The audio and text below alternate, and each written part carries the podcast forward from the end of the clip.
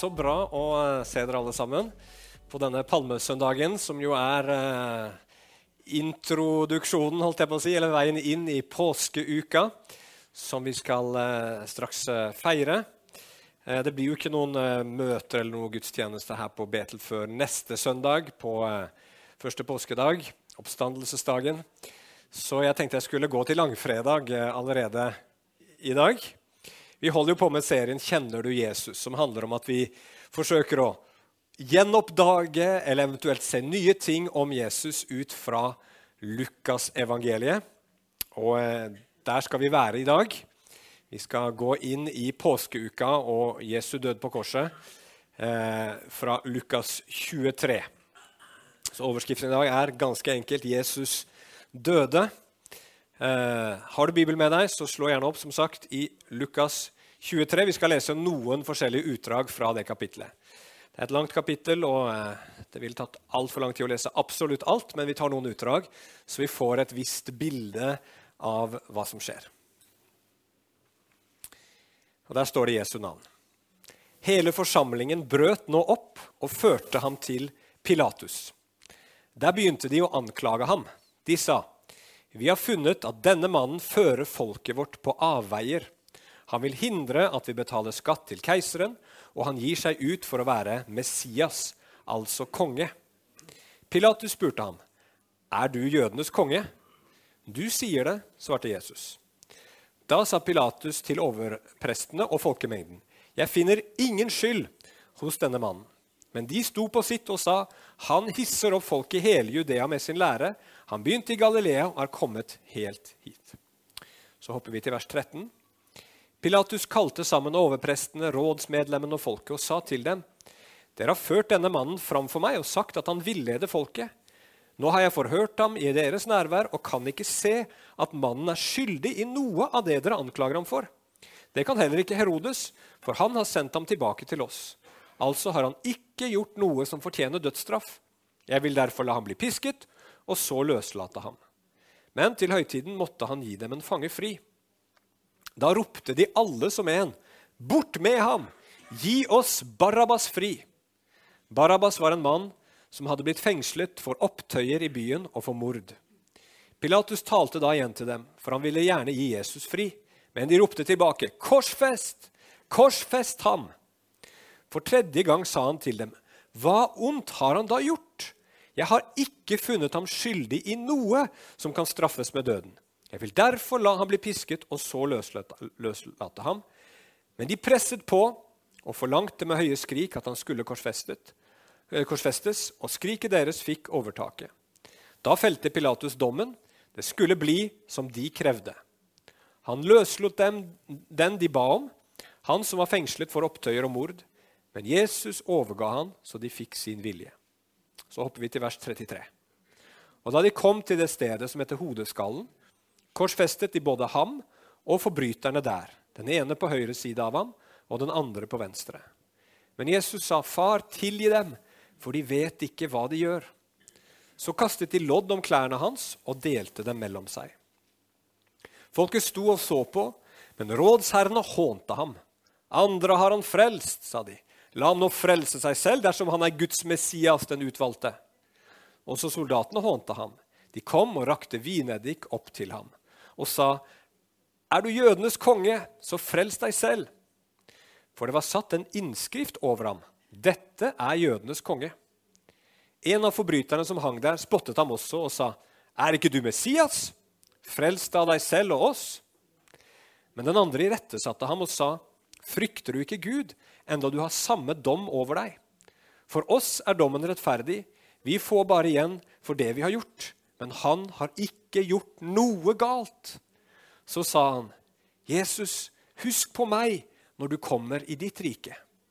Jesus svarte, 'Sannelig, jeg sier deg, i dag skal du være med meg i paradis.' Det var allerede omkring den sjette time. Da falt et mørke over hele landet helt til den niende time. For solen ble formørket. Forhenget i tempelet revnet etter midten. Og Jesus ropte med høy røst, 'Far, i dine hender overgir jeg min ånd.' Da han hadde sagt det, utåndet han. Men da offiseren så det som hendte, priste han Gud og sa, denne mannen var sannelig rettferdig. Og folkemassene som hadde samlet seg for å se på, slo seg for brystet da de så det som skjedde, og vendte hjemover. Ok, Skal vi be litt sammen?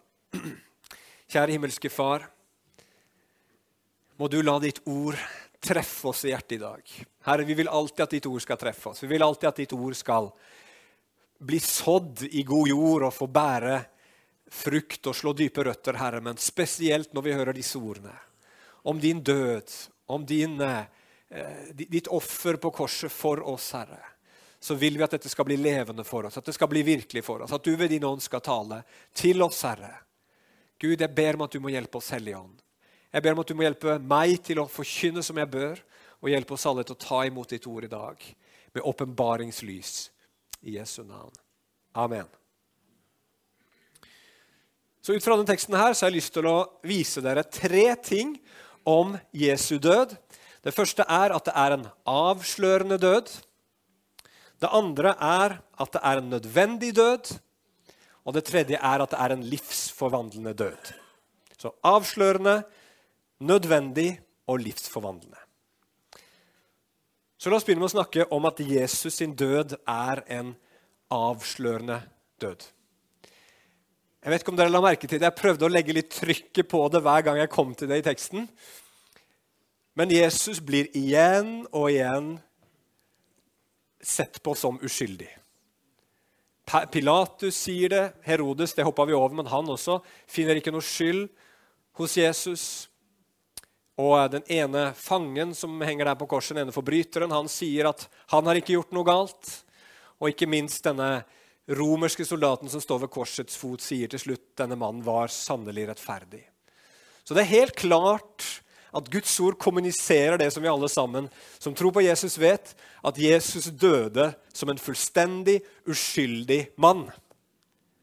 Og så er det da så utrolig merkelig at denne uskyldige, fullkomne mannen ender opp med å få lovens strengeste straff. Ikke, ikke nok med at han må dø, men han dør på den mest nedlatende og utleverende og smertefulle måte som fins. Eh, som i hvert fall fantes på den tiden. Han blir hengt på et kors. Og Det var en død som, som ikke romerske borgere for eksempel, eh, ble, ble, ble gitt uansett hva galt de hadde gjort, for det var regna som så nedverdigende. Så bare ofte slaver og de som sto lavest nede på rangstigen, ble korsfesta. Og så skjer det her med det mest fullkomne mennesket som noensinne har levd. Hva forteller det oss? Jo, det avslører noe. Det avslører ondskapen som fins i menneskehjertet. At vi er i stand til å korsfeste den helt uskyldige. Og Det fins enormt mye urettferdighet i verden i dag. Og det kommer hovedsakelig av to ting, som vi også ser her på korset. Og det er at vi mennesker er i stand til å gjøre mye ondt. Ofte så er vi i stand til mer enn det vi vet. Du må bare komme i rett situasjon. Bli skvist nok, så oppdager du plutselig ting på innsiden av deg som du ikke trodde var der. Og da er ikke det i positiv forstand. Så det er den ene at vi aktivt deltar i ondskapen. Og det ser vi mange som gjør i Jesus' korsfestelse også. Eh, rådsherrene, f.eks. Soldatene er aktivt med her. Men så er det også sånn at ondskapen i verden er der fordi veldig ofte så er vi passive tilskuere til ondskapen. Og griper ikke inn, gjør ingenting pga. feighet. Og Det ser vi også i denne historien. her. Pilatus han er kroneksempelet. Han vet at dette ikke er riktig, men han er feig, og så gir han etter. Men det står en hel folkemengde der òg, som helt tydelig ikke er med på spotten. Og som når Jesus dør, slår seg til brystet og skjønner at her skjedde noe galt. Dette skulle ikke ha skjedd. Men ingen grep inn, ingen gjorde noen ting som helst.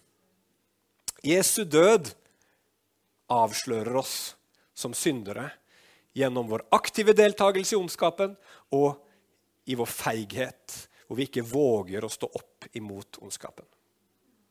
Så det er én ting som blir avslørt her. Men noe annet som går enda dypere, og som blir avslørt i det Jesus dør, det er vårt opprør imot Gud. For det går også helt klart og tydelig gjennom denne teksten her at Jesus han er konge. Han kalles for Messias, han kalles for jødenes konge, han kalles for Guds sønn. Han har mange mange titler som forteller oss at her er det en konge som blir korsfesta. Alle trodde kanskje ikke at han var en konge, men det er liksom så klart og tydelig at Gud vil kommunisere her i teksten at her korsfestes kongen. Og vi vet at I andre av evangeliene så ble han krona med en tornekrone. Og noe vi ikke leste, var at Herodes soldater kledde han i en kongekappe. En praktfull kappe. Så alt her peker på at her er det en konge som blir korsfesta. Men hvilken konge er det? Jo, det er Guds sønn. Det er Guds egen konge. Det er han som Gud sendte til verden for å representere sitt eget kongedømme. Fangen, forbryteren som, som, som hang på korset ved siden av Jesus, han hadde forstått det. Han sa, 'Husk på meg når du kommer i ditt rike.' Han skjønte at dette var en konge. Men når Gud sender sin konge til jorda, når Gud kommer for å herske over oss, som han har all rett til, for han er vår skaper, hva gjør vi da med den kongen? Jo, vi korsfester han. Og det taler om menneskehetens opprør imot Gud. Og Leser du Bibelen, så ser du det hele veien, at mennesket gjør stadig vekk opprør imot Gud. Men her topper det seg. Her er det liksom høydepunktet i menneskets historie, hvor mennesket vender seg, hvor Gud kommer. Han kommer sårbar, han kommer svak. Han kommer ikke mektig, han kommer ikke for å tvinge, han kommer for å invitere. Han har ingen våpen, han har ingen rustning, han har ingenting. Og hva gjør vi med Guds konge når han kommer sårbar til oss? Jo, vi utnytter situasjonen, og så korsfester vi han, tar livet av han og kvitter oss med han. Det er menneskehetens opprør. Og det ligger en ganske dyp ironi i det. For at vi forkaster Gud som konge fordi vi syns ikke han er en så veldig god konge. Vi syns ikke at han er en så veldig god dommer. Men når Jesus kommer til jorda, og vi får muligheten til å ha makt over han, mulighet til å dømme han, som står der helt uskyldig, hva gjør vi da? Viser vi oss som gode konger? Viser vi oss som gode dommere? Nei, helt det motsatte. Vi tar livet av en uskyldig mann. Den reneste og mest hellige person som noen ganger har gått i to sandaler, om vi skal si det sånn, på denne jord.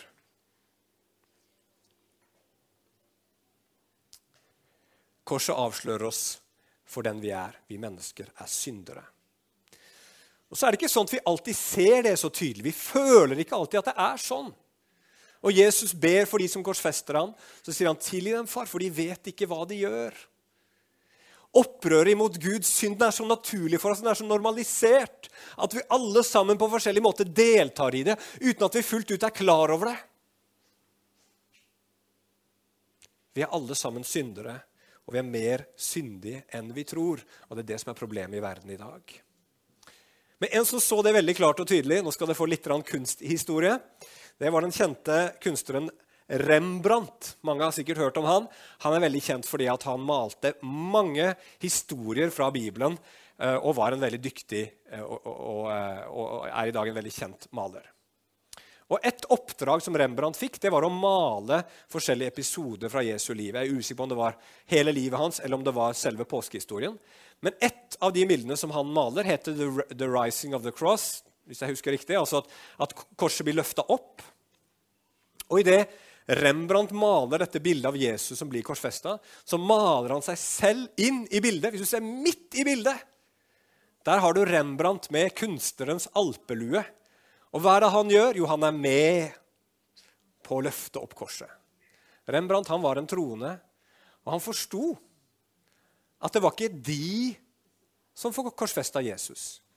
Men det var noe vi som menneskehet alle sammen var med på. Hadde vi vært der, så hadde vi også deltatt på samme måten. Enten aktivt eller som feige og passive tilskuere. Korset avslører oss for den vi er. Det så Rembrandt. Og det trenger vi også å se. For først da forstår vi hvorfor Jesus sin død og det er punkt nummer to, var en nødvendig død. Hvorfor døde Jesus? Jesus, Rett før han dør, så sier han, 'Far, i dine hender overgir jeg min ånd'. Så han forstår, Jesus forstår at her er det ikke liksom tilfeldigheter og kaos som rår, Men her er det Gud som holder på å orkestrere noe. Gud er i kulissene. Gud gjør noe. Og, Jesus han gir seg over til Guds kontroll. Og hva er det Gud, Gud holder på med? Jeg tror det er sånn at alle mennesker vi lever mer eller mindre i en form for frelsesprosjekt, hvor vi prøver å frelse oss selv. Jeg holder på å lese en eh, fransk filosof. Det går veldig sakte. Men han heter Luc Ferry. Eh, og han, forklarer, han skal prøve å forklare hva som er poenget med filosofien. Og han sier at Filosofien handler egentlig om at man forsøker gjennom filosofien å frelse seg selv. Det er det det handler om, sier han. Og hva er det man skal frelse seg fra? Hva er det man blir frelst fra? Jo, han sier at alle mennesker har et uoverstigelig problem som vi er nødt til å gjøre noe med. Og det er døden. Og Han tenker ikke bare på døden sånn fysisk den dagen vi skal dø, selv om han tenker på det. Men han tenker på alt i livene våre som vi mister, som vi taper, som forsvinner underveis. Det er mange ting som dør, som forsvinner i livene våre. Det kan være vennskap som vi taper underveis familie som vi mister, muligheter som forsvinner for oss, helse som blir borte, styrken som svekkes, trygghet som vi mistes. Vi blir hele veien igjennom livet avskåret fra ting som skaper problemer for oss, til vi til slutt en dag blir avskåret fra selve livet og dør. Og fordi at vi merker denne dødskraften i livet som hele tiden skiller oss fra så mange ting som skaper så mye sorg, så mye smerte, så mye byrder, så mye bekymring, så søker vi liv, vi mennesker. Vi søker å finne livet et eller annet sted. Og du vet hvor du søker liv. Du ser hvor andre mennesker søker liv. Det er ikke vanskelig å se det på noen, på andre kan det være mer vanskelig. Men alle mennesker skjønner at 'jeg trenger liv'. Hvor er livet? Og så gjør vi det vi kan for å finne det. Og Bibelen sier at livet fins i fellesskap med Gud. Og at døden har kommet inn fordi vi har blitt avskåret fra Han. Så det du og jeg trenger, det er å få fellesskap med Gud og komme tilbake igjen til Han som vi har blitt adskilt ifra. Problemet er at vi er adskilt fra Gud. Løsningen er å komme tilbake til Gud.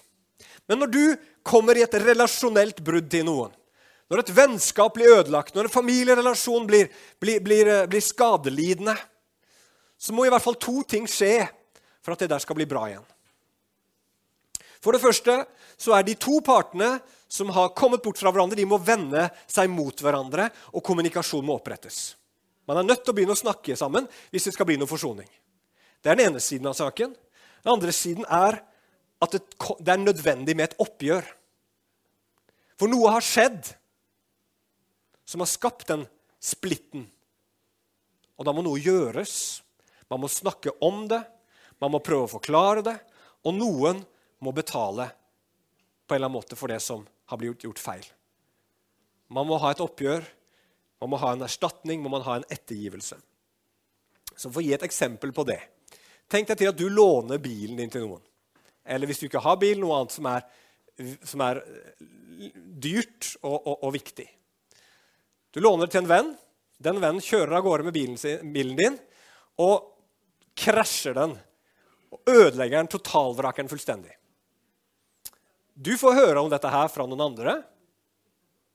Men vennen kommer til deg og snakker med deg som ingenting har skjedd.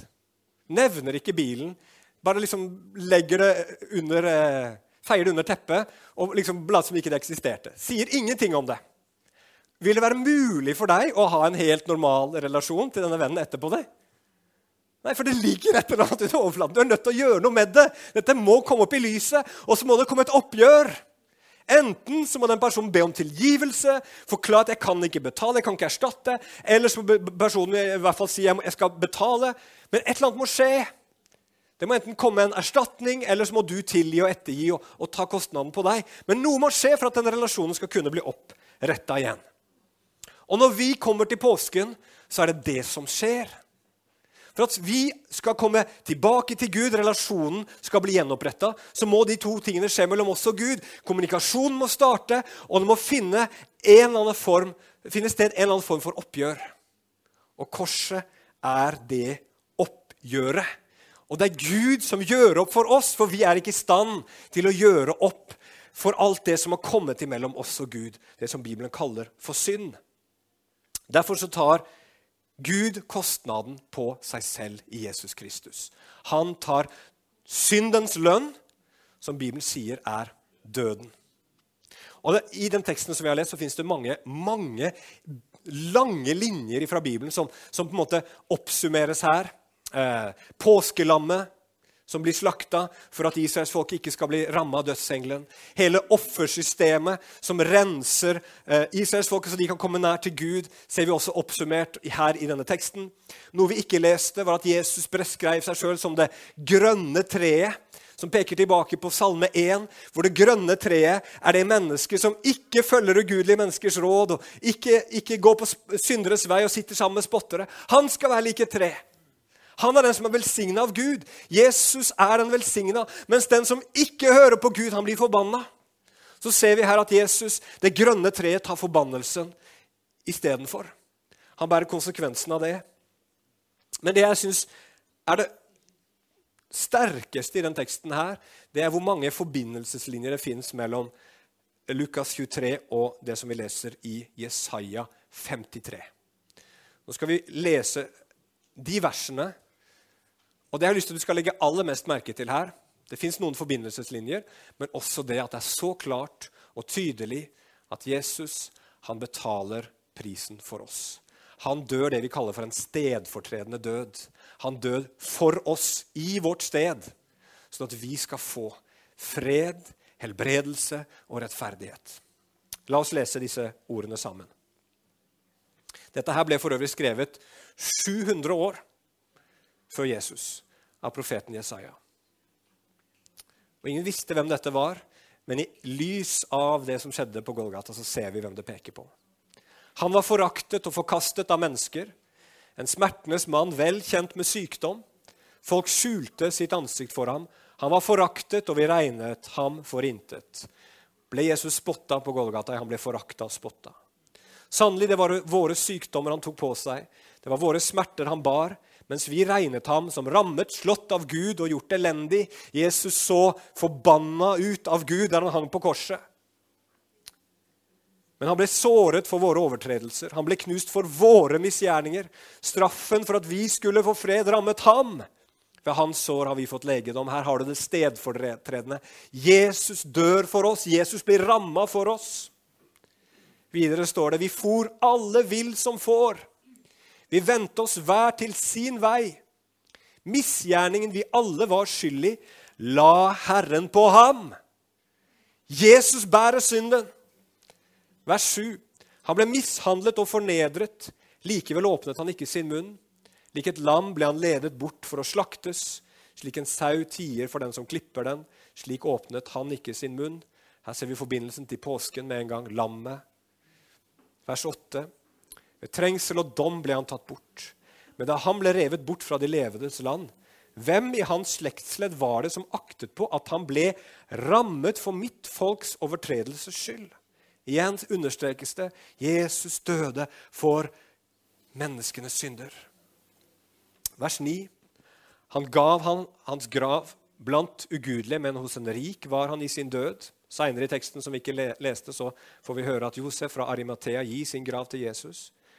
For han hadde ikke gjort noen voldsgjerning, og det var ikke svik i hans munn. Her er det jo bare klart og tydelig det som vi har sett i hele Lukas 23 òg, at Jesus var uskyldig.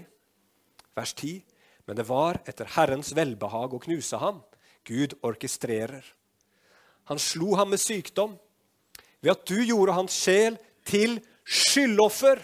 Det var det stedfortredende offeret som ble ofra i tempelet. Skal han få se slekten, og han får mange dager. Her har vi oppstandelsen.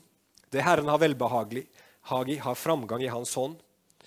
Og de siste to versene. Fordi hans sjel har hatt møye, skal han se det og mettes. Oppstandelsen igjen. Ved at de kjenner han, skal min rettferdige, rettferdige tjener rettferdiggjøre mange. Det er det Jesus gjør, for han har båret deres misgjerninger. Igjen, han tar vår plass. Derfor skal jeg gi ham de mange til del og han skal få de sterke som bytte.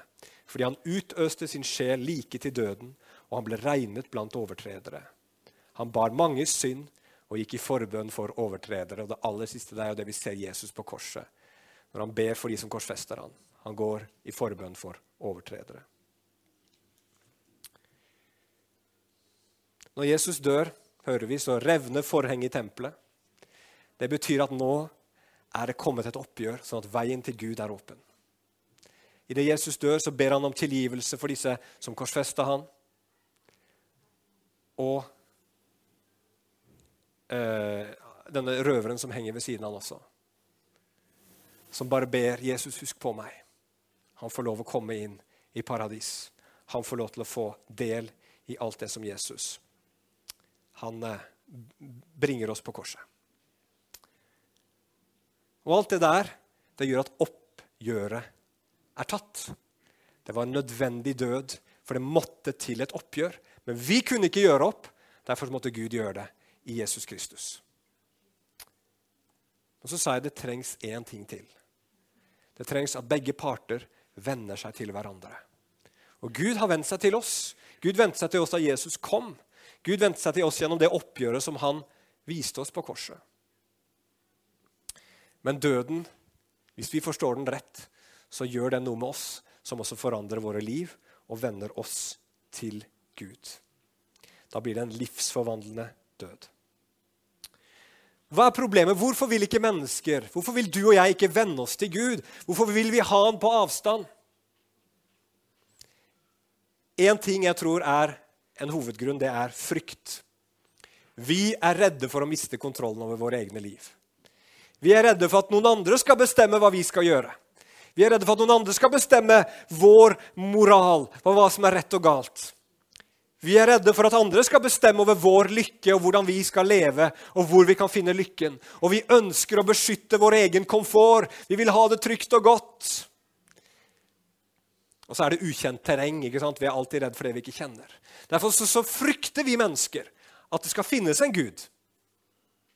Derfor så holder vi sannheten nede i urettferdighet, sånn som det står i Bibelen.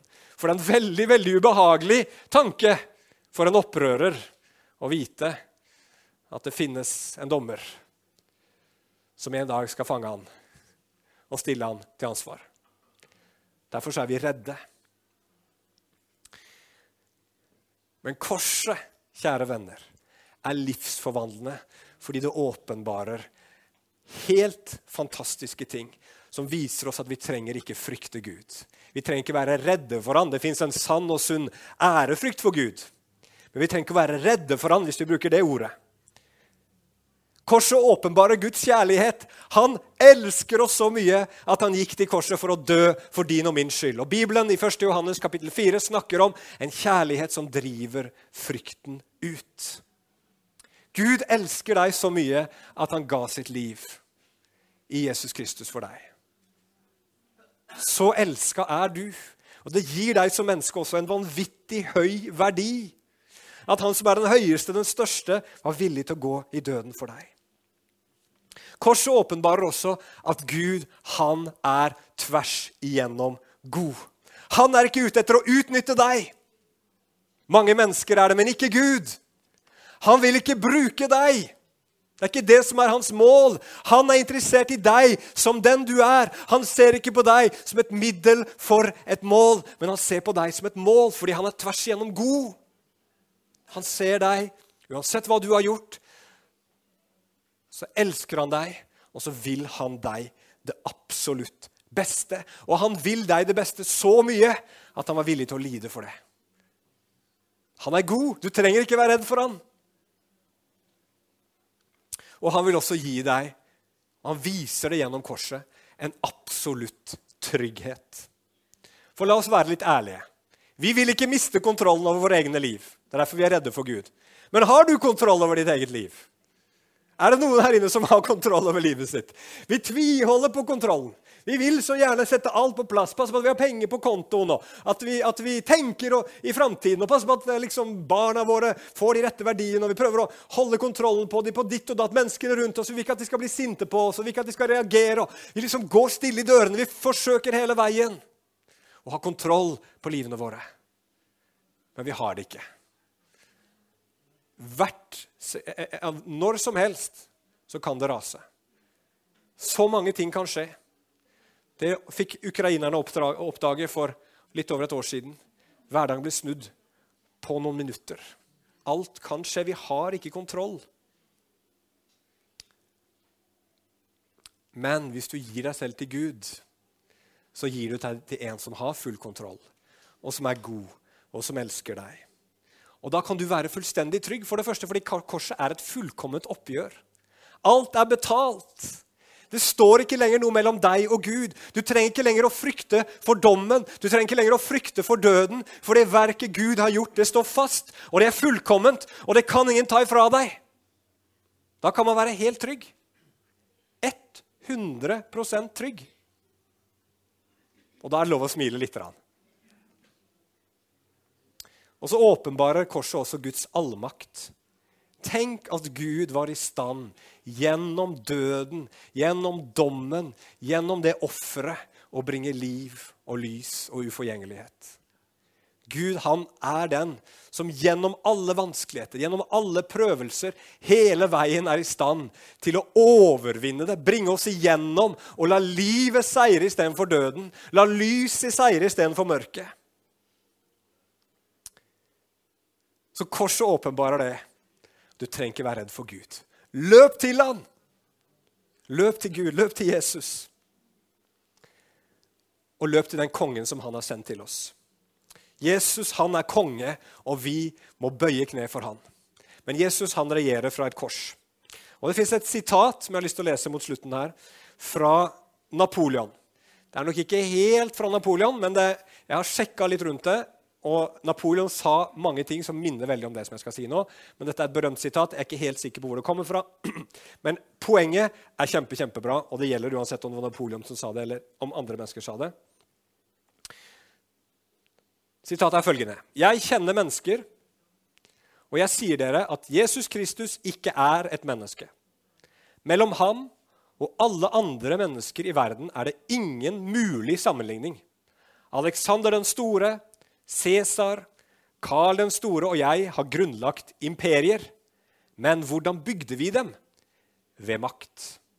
Jesus Kristus grunnla sitt rike på kjærlighet og i dette øyeblikket ville millioner av mennesker være villige til å dø for ham. Jesus har grunnlagt sitt rike på kjærlighet. Og den kjærligheten er ikke en abstrakt kjærlighet, men det er en konkret kjærlighet som ble vist i hele verden. Han strakte ut sine hender på et kors for å favne oss alle sammen. Og spørsmålet som påsken stiller oss alle sammen, er vil du gi gjensvar på den kjærligheten som er vist deg. Gud har gjort alt. Han har gjort opprøret. Han har vendt seg mot deg. Vil du vende deg mot han? Vil du vende om fra å gå på din egen vei og komme til Gud i stedet for? Vil du velge å stole på ham? Med hele ditt liv legge det i hans hender? Vil du bli en kristen, ta opp ditt kors og følge han? Er du villig til å ofre ditt rykte for Jesus? Og si at mennesker kan mene det hva de vil, men jeg vil følge Jesus. For han er mye mer verdt for meg enn alle menneskers mening i verden.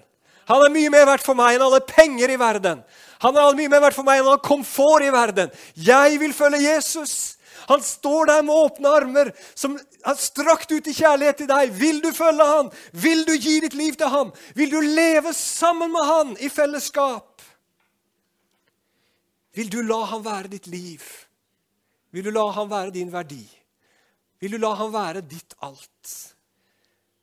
Det er spørsmålet som vil bli stilt gjennom korset, gjennom evangeliet.